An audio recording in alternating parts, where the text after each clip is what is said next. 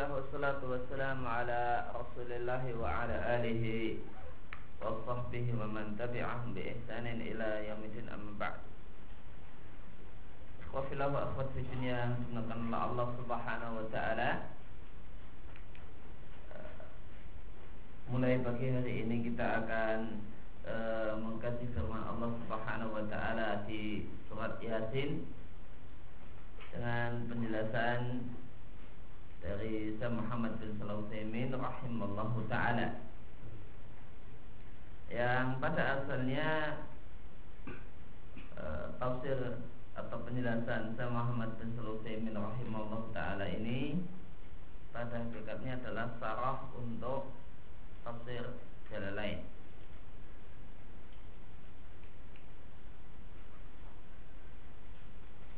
بسم الله الرحمن الرحيم إن الحمد لله نحمده ونستعينه ونستغفره ونعوذ بالله من شرور أنفسنا وسيئات أعمالنا من يهده الله فلا مضل له ومن يضلل فلا هادي له وأشهد أن لا إله إلا الله وحده لا شريك له وأشهد أن محمدا عبده ورسوله صلى الله عليه وعلى آله وسلم man tabi'ahum bi ihsanin ila yaumiddin wa sallama tasliman katsira amma ba'du Qala al-muallif rahimallahu taala di catatan kaki uh, saudaraku yang mulia jika lewat padamu jika engkau membaca qala al-muallif maka yang dimaksudkan adalah Jalaluddin Abu Abdullah Muhammad bin Ahmad bin Muhammad Al-Mahalli rahimahullah taala.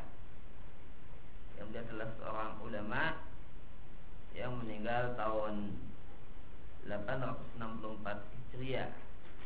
Dalam tafsir beliau yang terkenal dengan sebutan tafsir Jalalain. Kemudian di sini dan aku akan jadikan perkataan Al-Mahalli Jaluddin Al-Mahalli Baina ma'kufatain Di antara dua tanda kurung. Jika dijumpai dua tanda kurung Maka kata-kata di antara dua tanda kurung tersebut adalah perkataan Jamaluddin Al-Mahalli Maka ada satu kitab tafsir yang terkenal yang disebut dengan tafsir jalan lain. Ya, disebut jalan lain karena tafsir ini adalah tulisan dari dua ulama yang dua-duanya gelarnya adalah Jalaluddin. Yang pertama adalah Jalaluddin Al-Mahalli. Beliau menulis tafsir sejak surat Kahfi sampai akhir uh, sampai surat Anas kemudian baru ditambah surat Al-Fatihah. Setelah itu beliau meninggal dunia. Akhirnya uh, buku beliau uh, akhirnya buku beliau dilanjutkan oleh Jalaluddin Asyuti dengan menggunakan metode yang sama. Uh, Jalaluddin Asyuti ini berusaha untuk menggunakan metode dan gaya penulisan yang sama beliau tambahkan sejak awal surat Al-Baqarah sampai akhir surat Al-Isra.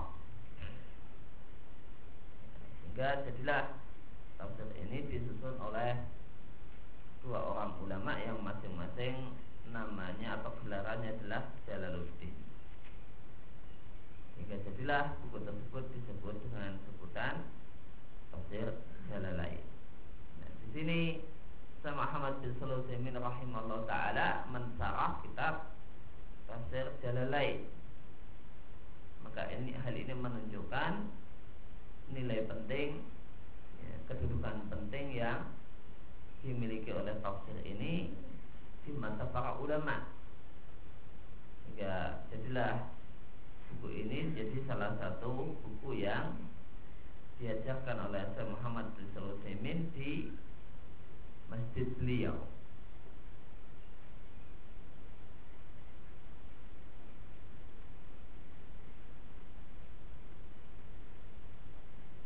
Dan memang demikianlah keadaannya bahwasanya e, tafsir lain ini memiliki e, martabat yang e, yang cukup tinggi di antara para ulama sehingga e, bagaimana bisa kita lihat ini menjadi bahan ajar saya Muslimin di masjidnya. Demikian pula e, lain ini jadi e, buku pegangan atau buku textbook ya, buku pelajaran di uh, Ma'at Haram baik Ma'at Haram Mekah ataupun Ma'at Haram Madinah dan buku ini atau buku tafsir ini adalah satu buku tafsir yang terkenal di negeri kita karena dijadikan acuan dan sebagai bahan ajar di e, banyak pesantren dan diajarkan oleh banyak ustadz banyak kiai karena dianggap adalah buku yang simpel dan layak dan bagus untuk e, dijadikan sebagai buku dasar orang untuk belajar tafsir. Nah, kalau e, al-mu'alif rahimallahu taala surah surah Yasin makkiyatun au illa uh, Qauluhu wa idza qila anfiqu aw madaniyatun. Maka Jalaluddin Al-Mahali mengatakan tentang status surat Yasin. Pendapat yang pertama mengatakan surat Yasin itu makiyah. Pendapat yang kedua mengatakan surat Yasin itu makiyah kecuali ayat wa idza qila lahum anfiqu. Pendapat yang ketiga mengatakan surat Yasin itu madaniyah. Maka surat itu disebut surat Makki adalah surat yang turun sebelum terjadinya hijrah. Dan bukanlah pengertian surat Makkiyah adalah surat yang turun di Mekah. Karena boleh jadi turun satu surat di Mekah setelah hijrah sehingga statusnya tetap madaniyah. Maka semua surat yang turun sebelum hijrah itulah yang disebut dengan maki dan semua surat dan ayat yang turun setelah hijrahnya Nabi Shallallahu Alaihi Wasallam itulah yang disebut dengan madani. Inilah pendapat yang paling kuat dari tiga pendapat ulama dalam masalah ini, dalam masalah pengertian maki dan madani. Kemudian eh, ada tiga pendapat tentang status surat Yasin yang tadi disebutkan oleh Jalaluddin Al-Mahalli. Ada yang berpendapat seluruhnya adalah ayat-ayat Makkiyah, ada yang berpendapat seluruhnya adalah ayat-ayat Madaniyah, dan ada yang mengatakan seluruhnya adalah ayat-ayat Makkiyah kecuali satu ayat saja, yaitu yang bunyinya wa idza qila lahum anfiqu. Waladhi yadharu kesimpulannya yang uh, yang paling kuat surat Yasin adalah makiyah karena gaya bahasanya adalah gaya bahasa surat-surat makiyah dan surat makiyah itu memiliki ciri khas yang membedakannya dari surat madaniyah di uslub. Dengan gaya bahasa yang kuat yang tegak. Wajazalati e, tidak lembut namun tegak. Wajazalatil lafzi dan kaya dengan eh, kata-kata. Berbeda dengan surat-surat Madaniyah, maka gaya bahasanya alian itu lebih lembut. Karena surat-surat Madaniyah itu e, mengajak bicara orang-orang yang beriman. Demikian pula mengajak bicara e, orang uh, ahli kitab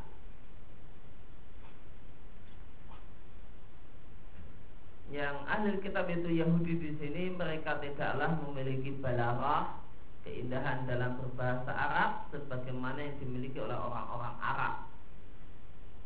Maka ya, kekayaan kosakatanya tidak sekaya surat-surat Makkiyah. Karena menyesuaikan diri dengan tingkat kepahaman bahasa dari orang-orang orang Yahudi yang merupakan salah satu sasaran dakwah dalam surat-surat Madaniyah. Fadhahir maka kemungkinan yang paling mendekati wallah alam surat Yasin adalah makkiyah.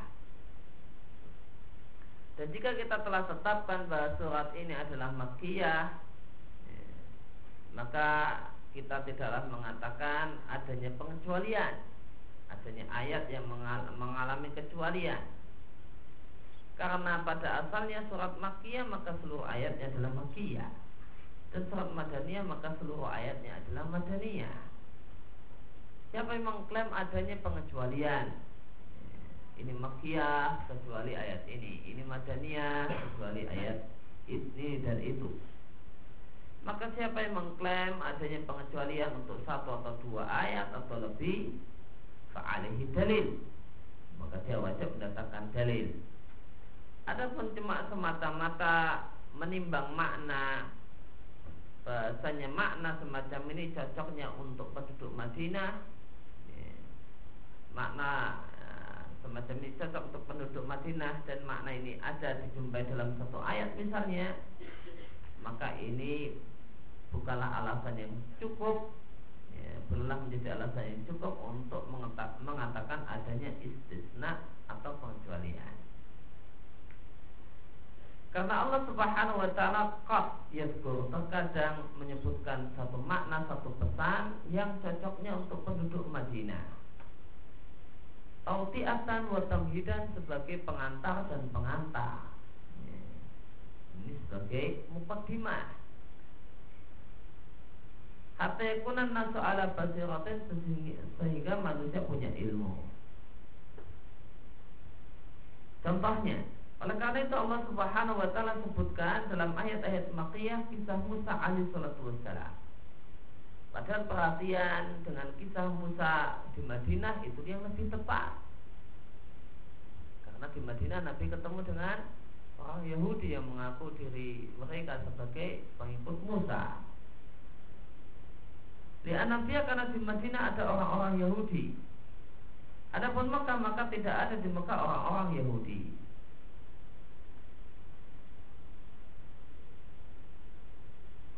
Maka semata-mata kisah Musa di ayat-ayat Makkiyah itu bukan alasan bahwasanya ayat tersebut ayat Madaniyah.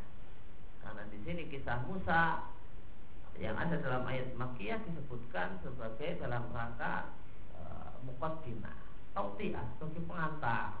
Nah, nanti akan ada orang yang namanya e, Musa, e, nanti akan ada orang yang mengaku-ngaku sebagai pengikut Musa akan tapi sebagian ulama punya punya sisi pandang, punya cara pandang jika mereka melihat ya, bahasanya makna ini cocoknya untuk surat madaniyah ataukah eh, ini adalah hukum-hukum yang cocoknya untuk madaniyah maka mereka langsung saja membuat pengecualian. Sehingga ini makiyah kecuali ayat demikian dan demikian. Wahada ghairu musallamin dan ini adalah satu pendapat yang tidak bisa diterima. Kemudian beliau melanjutkan dengan uh, uh, menjelaskan Bismillahirrahmanirrahim ayat Bismillahirrahmanirrahim Bismillah adalah satu ayat dalam Al-Quran Namun ayat yang berdiri sendiri. Ayat yang berdiri sendiri. Maka pendapat yang dipilih oleh Muslimin Bismillah yang ada di awal-awal surat ya, Dalam mushaf Al-Quran itu adalah Berdiri sendiri tidak termasuk bagian dari surat mana pun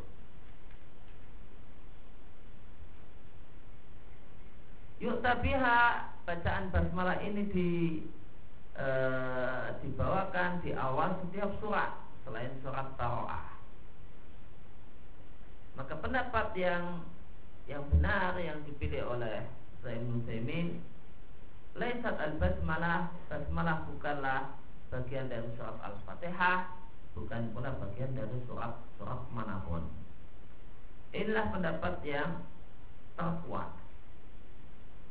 Adapun pendapat sebagian ulama yang mengatakan tentu dengan tetap menghormati pendapat yang dinilai kurang kuat ini bahwasanya Bismillah adalah bagian dari surat Al-Fatihah namun bukanlah bagian dari surat eh, surat-surat yang lain maka ini adalah e, pendapat yang lemah dengan dua alasan. Yang pertama adalah pembedaan tanpa dalil. Pembedaan tanpa dalil. Artinya yang lebih tepat mengatakan Bismillah itu adalah bagian dari adalah ayat untuk semua surat. Sehingga dengan alasan nyatanya ada di awal semua surat. Berarti kita katakan ini adalah ayat pertama untuk semua surat. Kalau enggak ya maka bagaimana pendapat yang diambil oleh uh, Muslimin bahasanya Bismillah itu adalah bukan ayat untuk semua surat Tapi kalau ada ini ayat untuk Al-Fatihah namun bukan ayat untuk Al-Baqarah, untuk Ali Imran dan seterusnya. Ya. Maka ini harus butuh uh, dalil yang menjadi alasan kenapa uh, ini jadi ayat untuk Al-Fatihah namun bagian dari Al-Fatihah namun tidak menjadi bagian untuk Al-Baqarah, Ali Imran dan yang lainnya. Padahal alasannya sama. Alasannya sama. Kenapa dikatakan itu bagian dari surat Al-Fatihah? Karena tercantum di awal surat Al-Fatihah. Kemudian yang kedua adalah hadis Abu Hurairah radhiallahu anhu at-tabit yang ada dalam uh, sahih dalam kitab sahih yaitu sahih Muslim. Terdapat firman Allah Subhanahu wa taala qasamtu salata. Nah, salata di sini maknanya adalah Al-Fatihah. Surat Al-Fatihah itu memiliki banyak nama. Salah satu nama surat Al-Fatihah adalah As-Solata Kenapa surat Al-Fatihah disebut As-Solata? Karena surat ini wajib dibaca dalam setiap sholat. Bahkan dalam setiap rokaat dalam sholat. Wasamtu sholat aku membagi surat Al-Fatihah Antara aku dengan hambaku nisbain menjadi dua bagian. Kemudian Allah jelaskan e, dua bagian tersebut adalah sejak Alhamdulillah. Nah, di hadis ini tidak disebutkan basmalah sebagai bagian dari surat Al-Fatihah maka hadis ini hadis Muslim ini dalil bahasanya basmalah bukanlah bagian dari surat Al-Fatihah karena basmalah tidak disebutkan dalam hadis ini Alasan yang lain bahasanya basmalah bukanlah bagian dari Al-Fatihah adalah Nabi Shallallahu Alaihi Wasallam tidak menjalankan basmalah dalam sholatnya.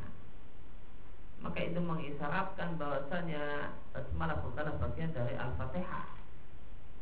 Jika basmalah adalah bagian dari Al-Fatihah, lajahara biha tentu Nabi akan menjaharkan ketika membaca basmalah bagaimana beliau membaca keras dengan suara keras ketika membaca ayat-ayat yang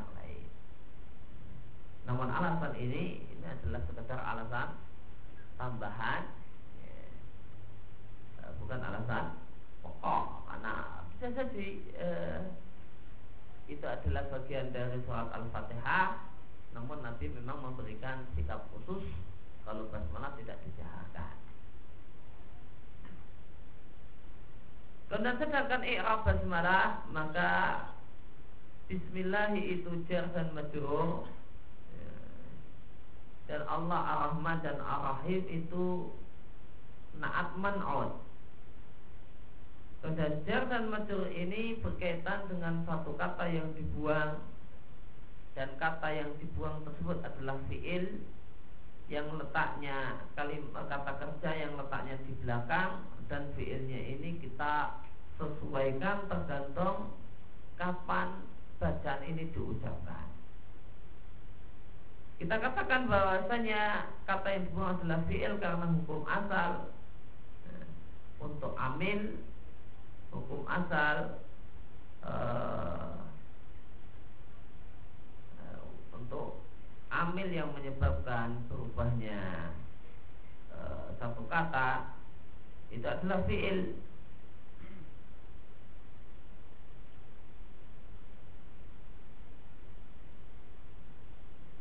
Oleh karena itu ta'malul af'al amal uh, fi'il itu bekerja fi'laha sebagaimana pekerjaannya tugasnya tanpa syarat beda dengan isim yang beramal dengan amalnya fi'il namun harus ada syaratnya.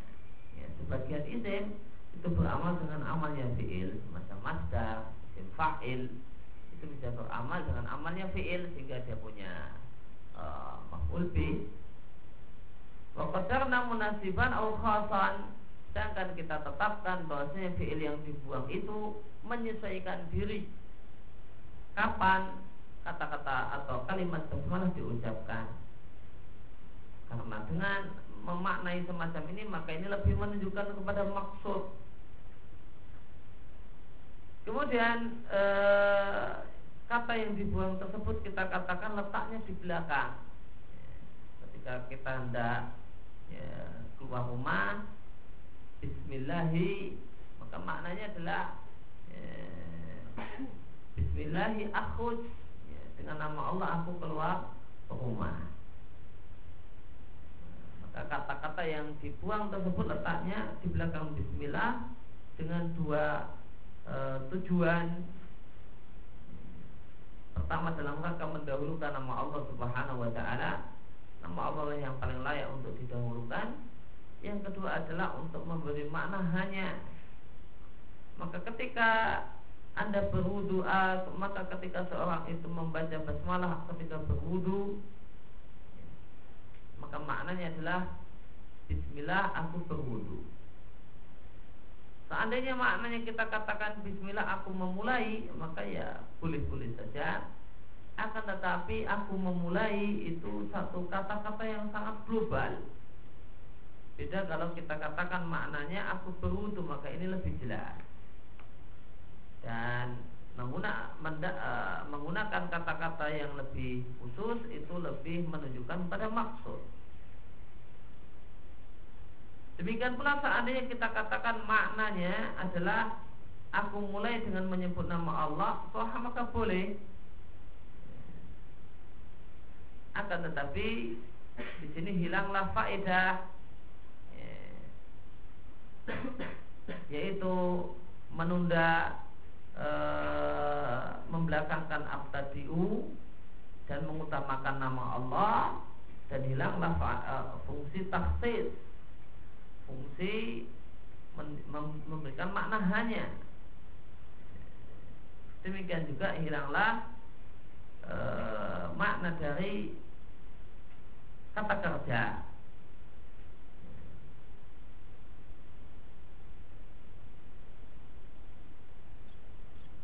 Anak kulta karena engkau mengatakan abtadi aku mulai. Dan jika engkau katakan abtadi bismillah maka berarti eh, eh, makna hanya itu hilang kalau maknanya adalah Bismillah abtadi'u maka mengandung makna hanya hanya dengan nama Allah aku memulai kegiatanku ini, pekerjaanku ini. Demikian juga faedah dari takhir membelakangkan e, dan mengedepankan nama Allah Subhanahu wa taala. Itu menunjukkan pemuliaan. Dengan kita dahulukan, kita depankan, kita nomor satukan nama Allah Subhanahu wa taala.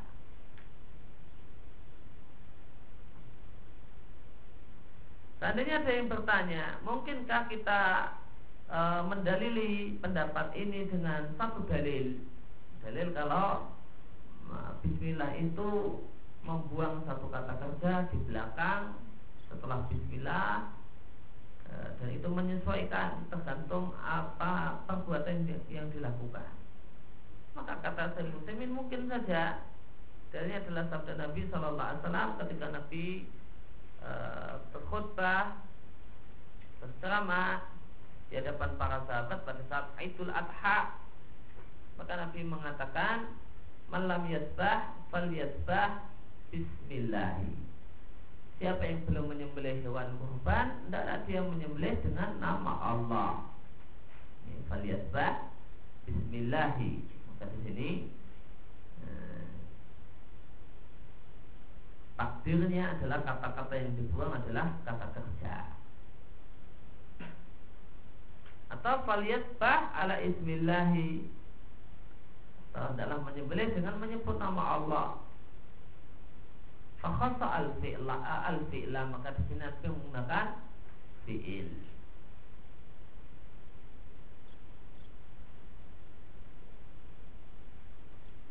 Dan hadis ini adalah di antara hadis yang digunakan oleh sebagian ulama untuk mengatakan bahasanya berkorban itu hukumnya wajib. Karena di sini ada perintah, faliyatbah. Adalah menyembelih dengan nama Allah Subhanahu wa taala.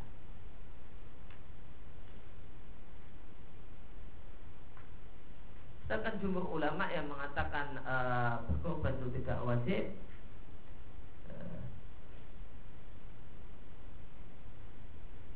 maka memaknai bahasanya hendaklah menyembelih di sini e, ini jadi satu kesatuan dengan hendaklah menyembelih dengan nama Allah.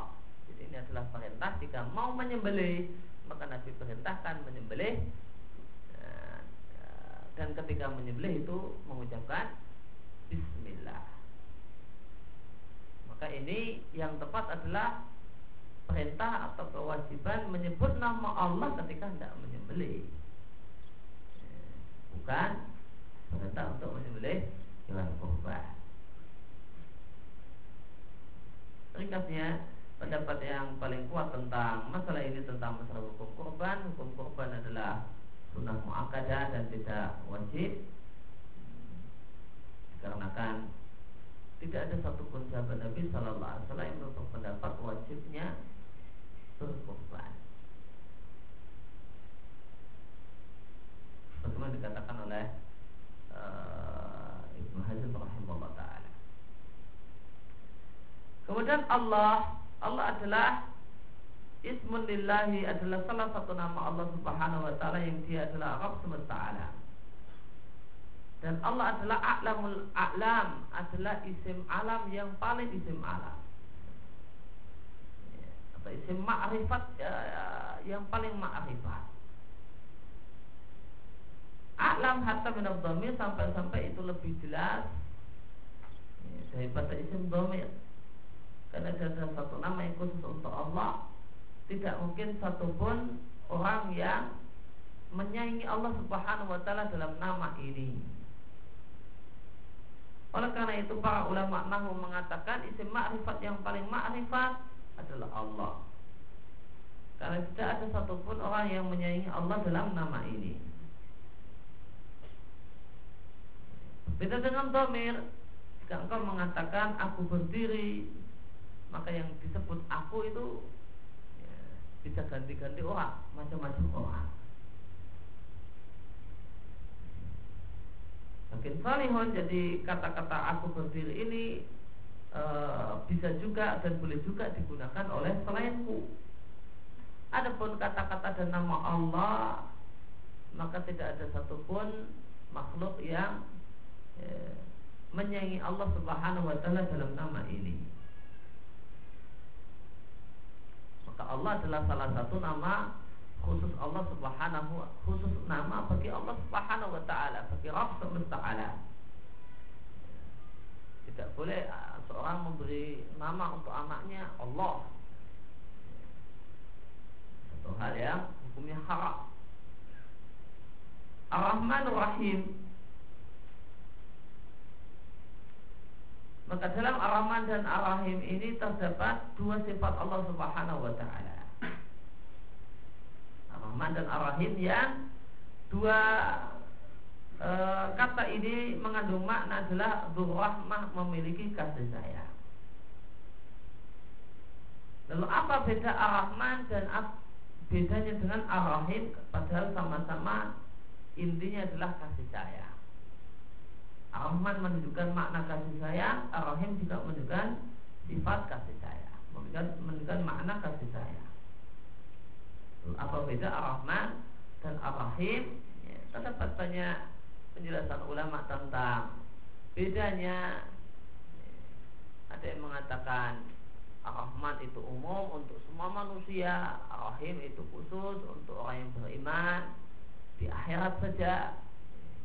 Ini pendapat yang dipilih oleh Sebelah Al-Fauzan di uh, Sarafli untuk Akidah Wasitiyah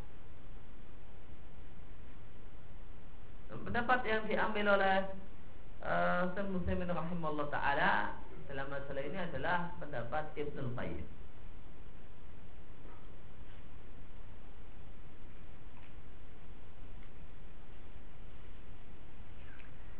Dikatakan bahasanya nama Ar-Rahman itu adalah melihat rahmat sebagai sifat Allah Subhanahu wa taala.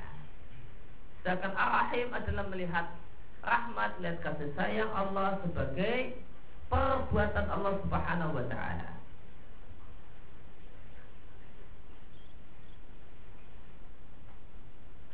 Oleh karena itu maka Rahman bersifat umum dan Rahim bersifat khusus.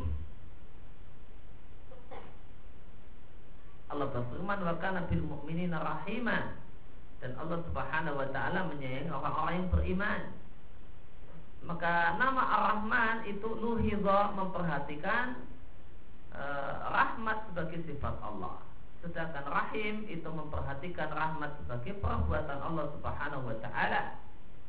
Oleh karena itu karena yang ditimbang dalam nama Ar-Rahman itu adalah sifat maka menggunakan wazan yang menunjukkan al-imtila wasa'ah penuh dan luas sehingga wazannya adalah wazan fa'lan jadi apa beda ar-Rahman dan ar-Rahim yang di uh, dipilih oleh Ibnu Qayyim rahimahullah taala Rahman itu maknanya adalah Eh, kasih sayang namun kasih sayang ini adalah sifat Allah Subhanahu wa taala.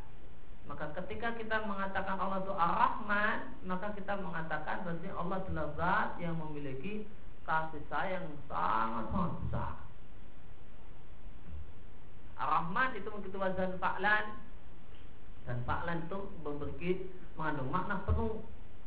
Orang yang sangat marah disebut ghadban Artinya marahnya itu sudah memenuhi seluruh tubuhnya dari ujung rambut sampai ujung kaki. Orang yang sangat lapar itu disebut jauhan karena lapar itu sudah memenuhi dirinya. Bukan hanya saja lambungnya yang terasa lapar, sampai kaki-kakinya juga ikut merasakan lapar. Maka ini menunjukkan makna penuh. Sedangkan arahim itu adalah kasih sayang Allah Subhanahu wa taala sebagai perbuatan. Artinya Allah adalah zat yang menyayangi hamba-hambanya yang berat untuk disayang. Maka makna Ar-Rahman adalah Allah adalah zat yang memiliki kasih sayang yang sangat-sangat besar, sangat-sangat luas. Itu maknanya. Sedangkan Ar-Rahim dia adalah zat yang penyayang dan menyayangi hamba-hamba yang berhak untuk disayang. Maka rahim itu untuk perbuatan, menyayang. Sedangkan uh, Rahman itu adalah menceritakan tentang bagaimanakah zat Allah Subhanahu wa taala. Berarti zat yang penuh dengan kasih sayang. Jadi yang dimaksud dengan menimbang sifat atau melihat sebagai perbuatan sebagai perbuatan. Maka Rahman itu adalah melihat kasih sayang Allah sebagai sifat Allah dan Ar-Rahim adalah melihat kasih sayang Allah sebagai perbuatan Allah Subhanahu wa taala. Bedanya adalah tadi. Jadi kalau mau diterjemahkan kalau kalau mau diterjemahkan Ar-Rahman dan Ar-Rahim pakai pendapat ini ya, maka makna Ar-Rahman adalah zat yang Eh, penuh dengan uh, zat yang memiliki kasih sayang yang sangat-sangat besar. Sedangkan terjemah dari Ar-Rahim menurut penjelasannya adalah zat yang menyayangi semua hamba-hamba yang berhak untuk disayangi. Jadi terjemahnya bukan pengasih dan penyayang. Ya, semua orang dikasih dan tidak semua orang disayang.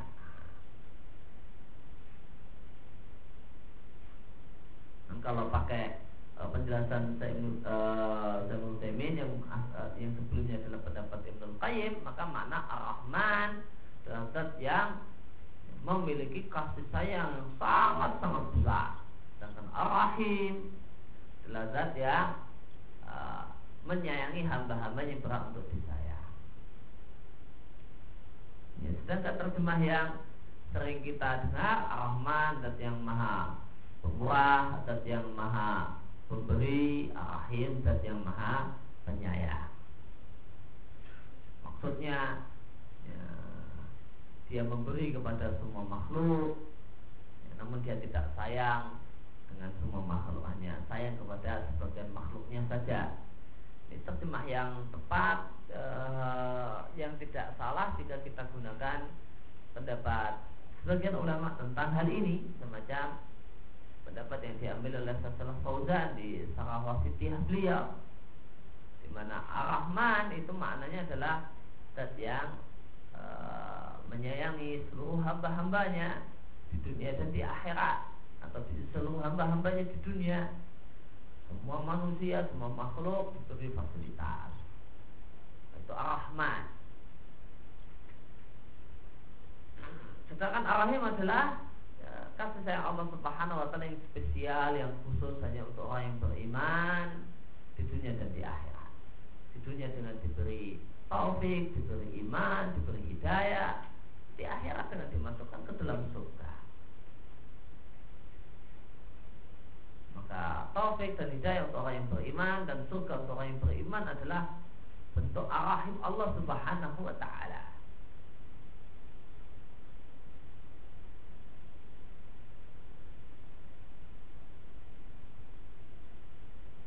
Ya.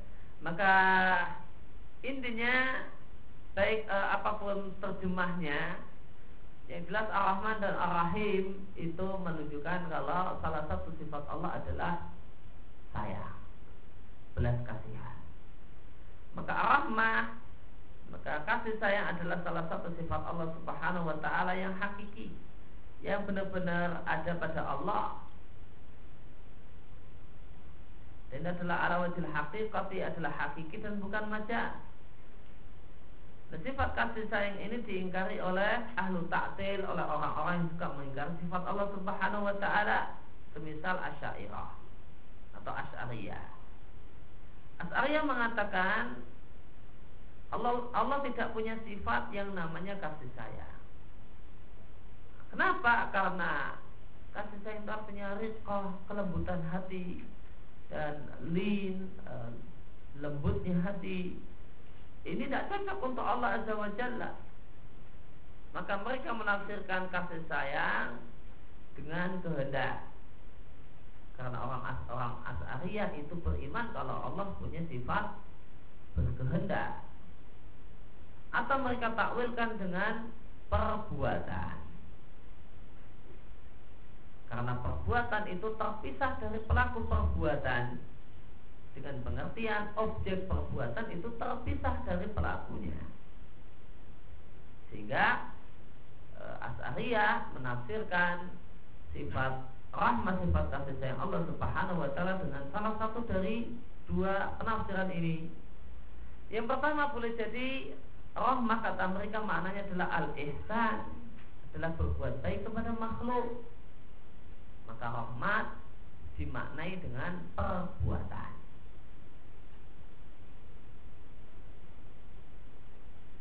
itu berbuat baik kepada makhluk dan makhluk ini munfasil terpisah dari zat Allah Subhanahu wa taala. Yang kedua, kalau tidak maka Asy'ariyah mengatakan makna rahmah adalah ingin berkehendak untuk berbuat baik kepada makhluknya. Karena mereka orang-orang Asy'ariyah itu mengakui menetapkan kalau Allah memiliki sifat berkehendak.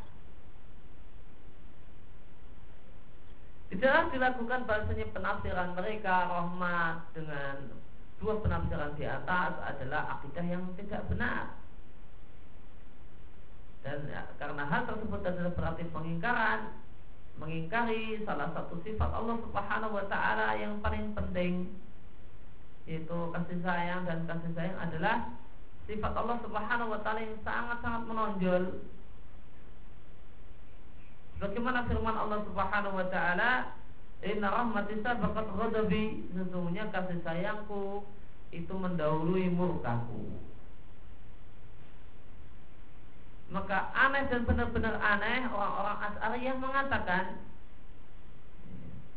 bahwasanya kami beriman kalau Allah punya sifat berkehendak karena dalla alaihal al aklu karena akal manusia mengatakan Allah harus punya sifat berkehendak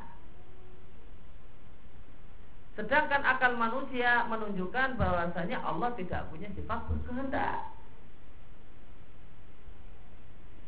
Dari mana orang Asy'ariyah bisa mengatakan bahwasanya akal manusia itu mengatakan ya, akal manusia itu menunjukkan kalau Allah punya sifat kehendak. Ini berasal dari perenungan terhadap alam semesta.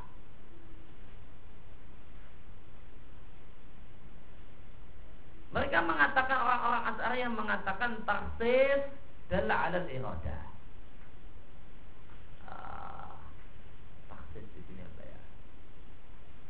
makhluk yang beda-beda. Ya, makhluk yang beda-beda. Adanya makhluk yang beda-beda itu menunjukkan kalau Allah punya kehendak ini gunung. Ini binatang. Ini hewan. Eh, ini tumbuhan. Ini langit. Ini bintang. Ini matahari. Beda. Eh, gunung itu beda dengan laut. Laut itu beda dengan hutan. Hutan itu beda dengan matahari. Matahari tidak sama dengan rembulan. Rembulan tidak sama dengan bintang-bintang yang lain. Nah, Beda-beda kan? Nah adanya makhluk ciptaan Allah yang beda-beda Itu bukti kalau Allah punya kehendak Allah punya kehendak Allah punya kehendak menciptakan lautan Jadilah lautan Ketika Allah punya kehendak untuk menciptakan gunung, maka jadilah gunung. Allah punya kehendak untuk menciptakan hutan, maka terciptalah hutan.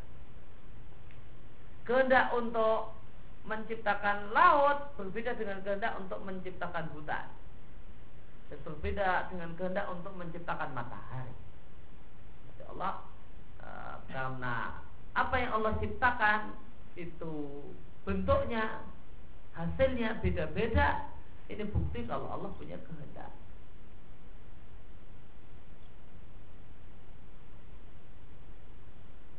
Bagaimana kita lihat manusia itu punya kehendak. Bukti kalau manusia punya kehendak, hasil perbuatannya beda-beda. Tadi dia jongkok, habis itu kemudian dia berdiri, habis itu dia jalan, habis itu kemudian dia eh, lari-lari. Uh, dalam rentang waktu uh, setengah jam uh, dihasilkan perbuatan yang beda-beda. Nah, ini bukti kalau manusia dengan melihat perbuatan manusia itu beda-beda, kita lihat ya, secara lahiriah ini kok tadi begini setelah itu begitu setelah itu begitu. Oh, berarti dia punya kehendak. Ya. Yang pertama kali dia punya kehendak untuk jongkok maka dia jongkok kemudian kemudian setelah itu dia punya kehendak untuk berdiri maka dia berdiri setelah itu dia punya kehendak untuk berjalan akhirnya berjalan setelah itu dia punya kehendak untuk lari-lari maka akhirnya manusia ini lari-lari. Itu namanya taksis.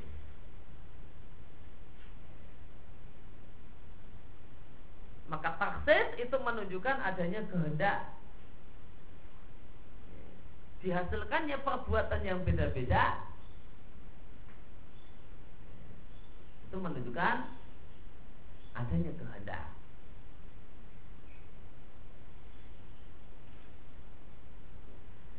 Maka taksis dalon karena ada uh, dihasilkannya perbuatan yang beda-beda ini menunjukkan kalau Allah punya kehendak. Iya, maka Allah punya perbuatan menciptakan langit, menciptakan bumi, menciptakan matahari, menciptakan rembulan dan seterusnya. Maka ini semuanya dulu alat irada menunjukkan adanya kehendak pada diri Allah Subhanahu wa taala. Li'anna la mukhassisa karena seorang itu karena sesuatu satu zat itu tidaklah melakukan perbuatan yang beda-beda. Ila bi'irodah kecuali karena adanya kehendak.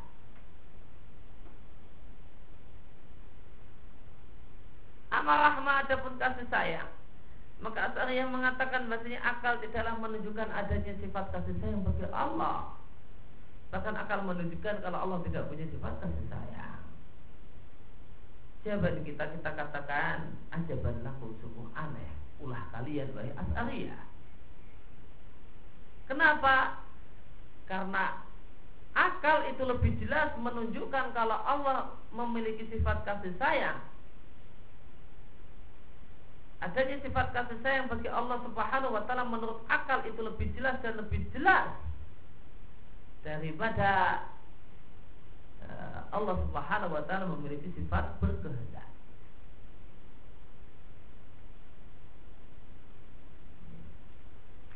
Maka kata Syekh kita sama-sama pakai akal.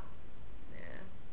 Maka menurut akal, akal itu uh, menurut akal Allah itu harus punya sifat kasih sayang.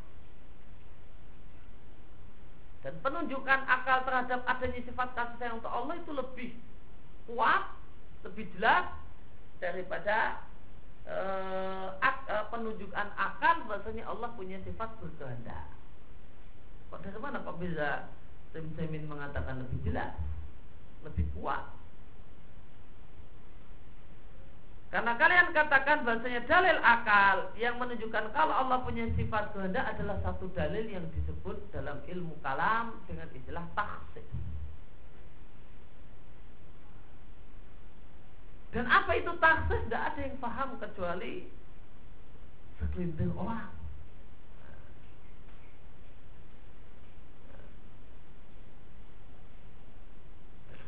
Yang paham bahasanya dalil taksis dalil logika yang namanya taksis itu hanya dipahami oleh segelintir orang harus diberi contoh kalau enggak orang enggak paham harus diberi contoh. Orang baru paham. Oh itu taksis namanya. Logika itu punya ada dalil logika logika namanya taksis. Yang dimaksud taksis itu gini gini gini. Begininya saja harus pakai contoh. Nah, kalau nggak diberi contoh nggak paham. Apa itu taksis? Itu dalil dalil taksis itu adalah dalil kalau Allah punya sifat berkehendak ini yang paham hanya kuat sunnah. Segelintir orang-orang tertentu saja. Nah, yang bisa tidak mikir juga. Kalau dari pikirnya lambat ya tidak dong taksis. Nah, udah gurunya udah teriak-teriak ini loh maksudnya taksis. Nah, dari taksis itu ini. Belum nangkep juga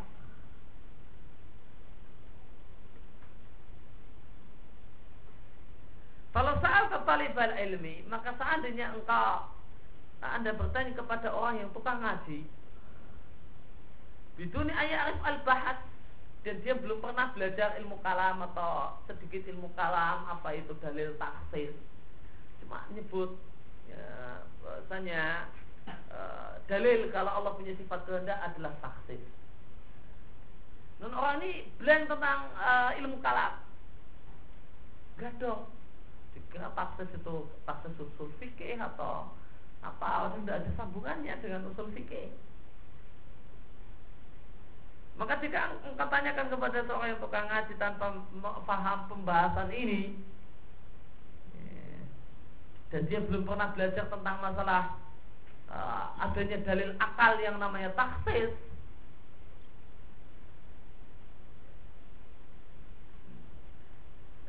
itu nih ayat Arab dan dia belumlah mengetahui uh, pembahasan tentang digunakannya taksis untuk menunjukkan makna uh, adanya iradah Padahal dia adalah seorang yang talibu ilmin, seorang penuntut ilmu, maka tidak paham. Ya, enggak dong. Apa itu? Taksis. Gimana kok taksis bisa uh, jadi dalil Allah punya sifat berkehendak? Namun seandainya engkau datang orang awam di pasar, kemudian anda kita katakan e, turun hujan, bumi pun jadi hijau, warawiyat azuru, maka tanam-tanaman pun mendapatkan air dan semacam itu. Kemudian kita tanyakan dari mana ini semua berasal, maka orang pasar ya, itu akan bisa berkata kepada anda dengan langsung tanpa banyak berpikir panjang min rahmatillah. Turunnya hujannya adalah kasih sayang Allah Subhanahu wa taala kepada kita. Fayastadil maka orang awam ini berdalil dengan adanya nikmat. Ya, yang nikmat itu adalah dampak rahmat. Ya, nikmat Allah adanya nikmat itu adalah dampak rahmat maka dia gunakan sebagai dalil kalau Allah memiliki sifat kasih sayang maka orang awam pun paham kalau Allah punya sifat kasih sayang. Dalilnya apa? Ya, adanya limpah nikmat yang Allah berikan kepada manusia. Maka orang awam mengatakan Allah punya sifat kasih sayang.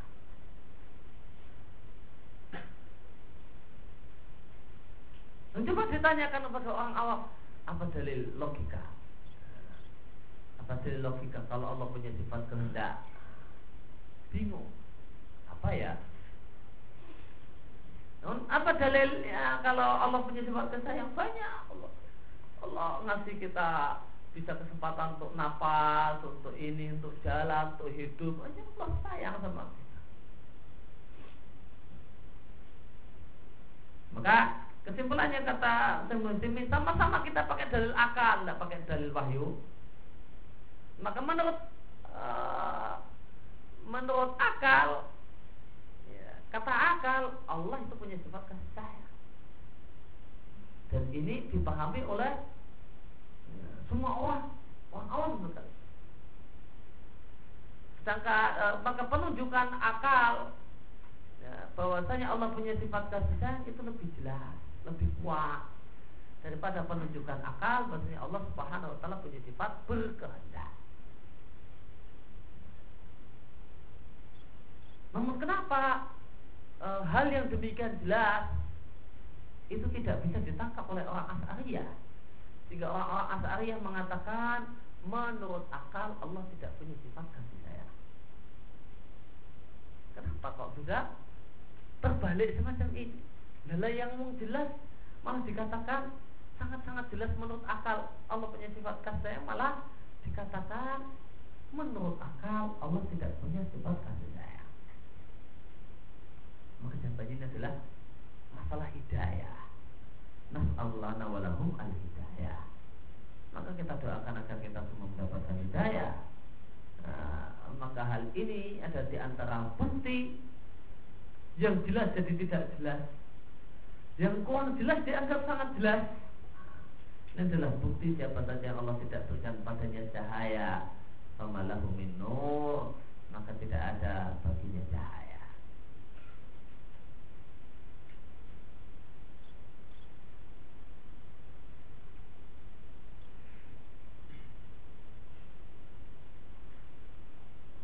Kesimpulannya maka Ahlu Sunnah berkeyakinan bahasanya Allah Subhanahu Wa Taala memiliki sifat kasih sayang.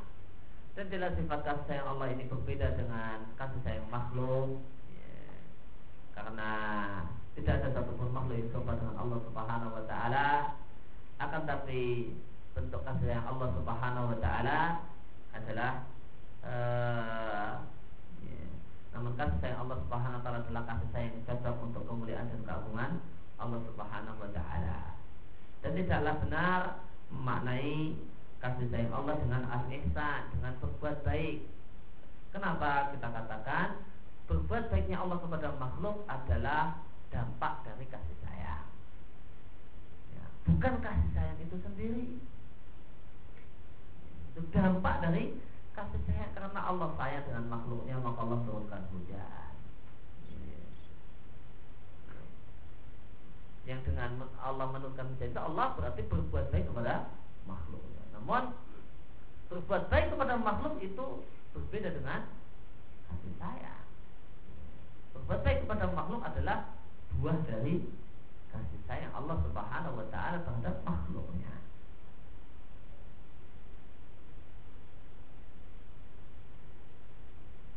Dan intinya kenapa As'ari yang menolak sifat kasih sayang untuk Allah Mereka katakan jika kita tetapkan Allah punya sifat kasih sayang Maka kasih sayang sifat makhluk kata mereka. Jadi kalau kita tetapkan Allah punya sifat kasih sayang Maka berarti Allah serupa dengan makhluk. Ingat mereka beriman kalau Allah punya sifat berkehendak. Kita katakan berkehendak juga sifat makhluk. Berkehendak itu juga sifat makhluk Berarti menurut kaidah kalian seharusnya kalau Allah punya sifat kehendak, maka berarti kalian menyamakan Allah dengan makhluk. Oh enggak. Kehendak Allah itu berbeda dengan kehendak makhluk kata Asharia. Kita beriman kalau Allah punya sifat kehendak. Kalau kehendak Allah itu berbeda dengan kehendak makhluk, tidak bisa disamakan dengan kehendak makhluk. Nah, itu jawaban kami. Allah punya sifat kasih sayang dan kasih sayang Allah beda dengan kasih sayang makhluk. Selesai. Kenapa kalian mengingkari? Ya, repot-repot mengingkari nolak sifat kasih sayang untuk Allah Subhanahu wa taala. Demikian yang kita baca kesempatan pagi hari ini. Ala nabiyina Muhammadin wa ala alihi wa sallam. Wa alhamdulillahi rabbil alamin. Subhanakallahumma wa bihamdika asyhadu an la ilaha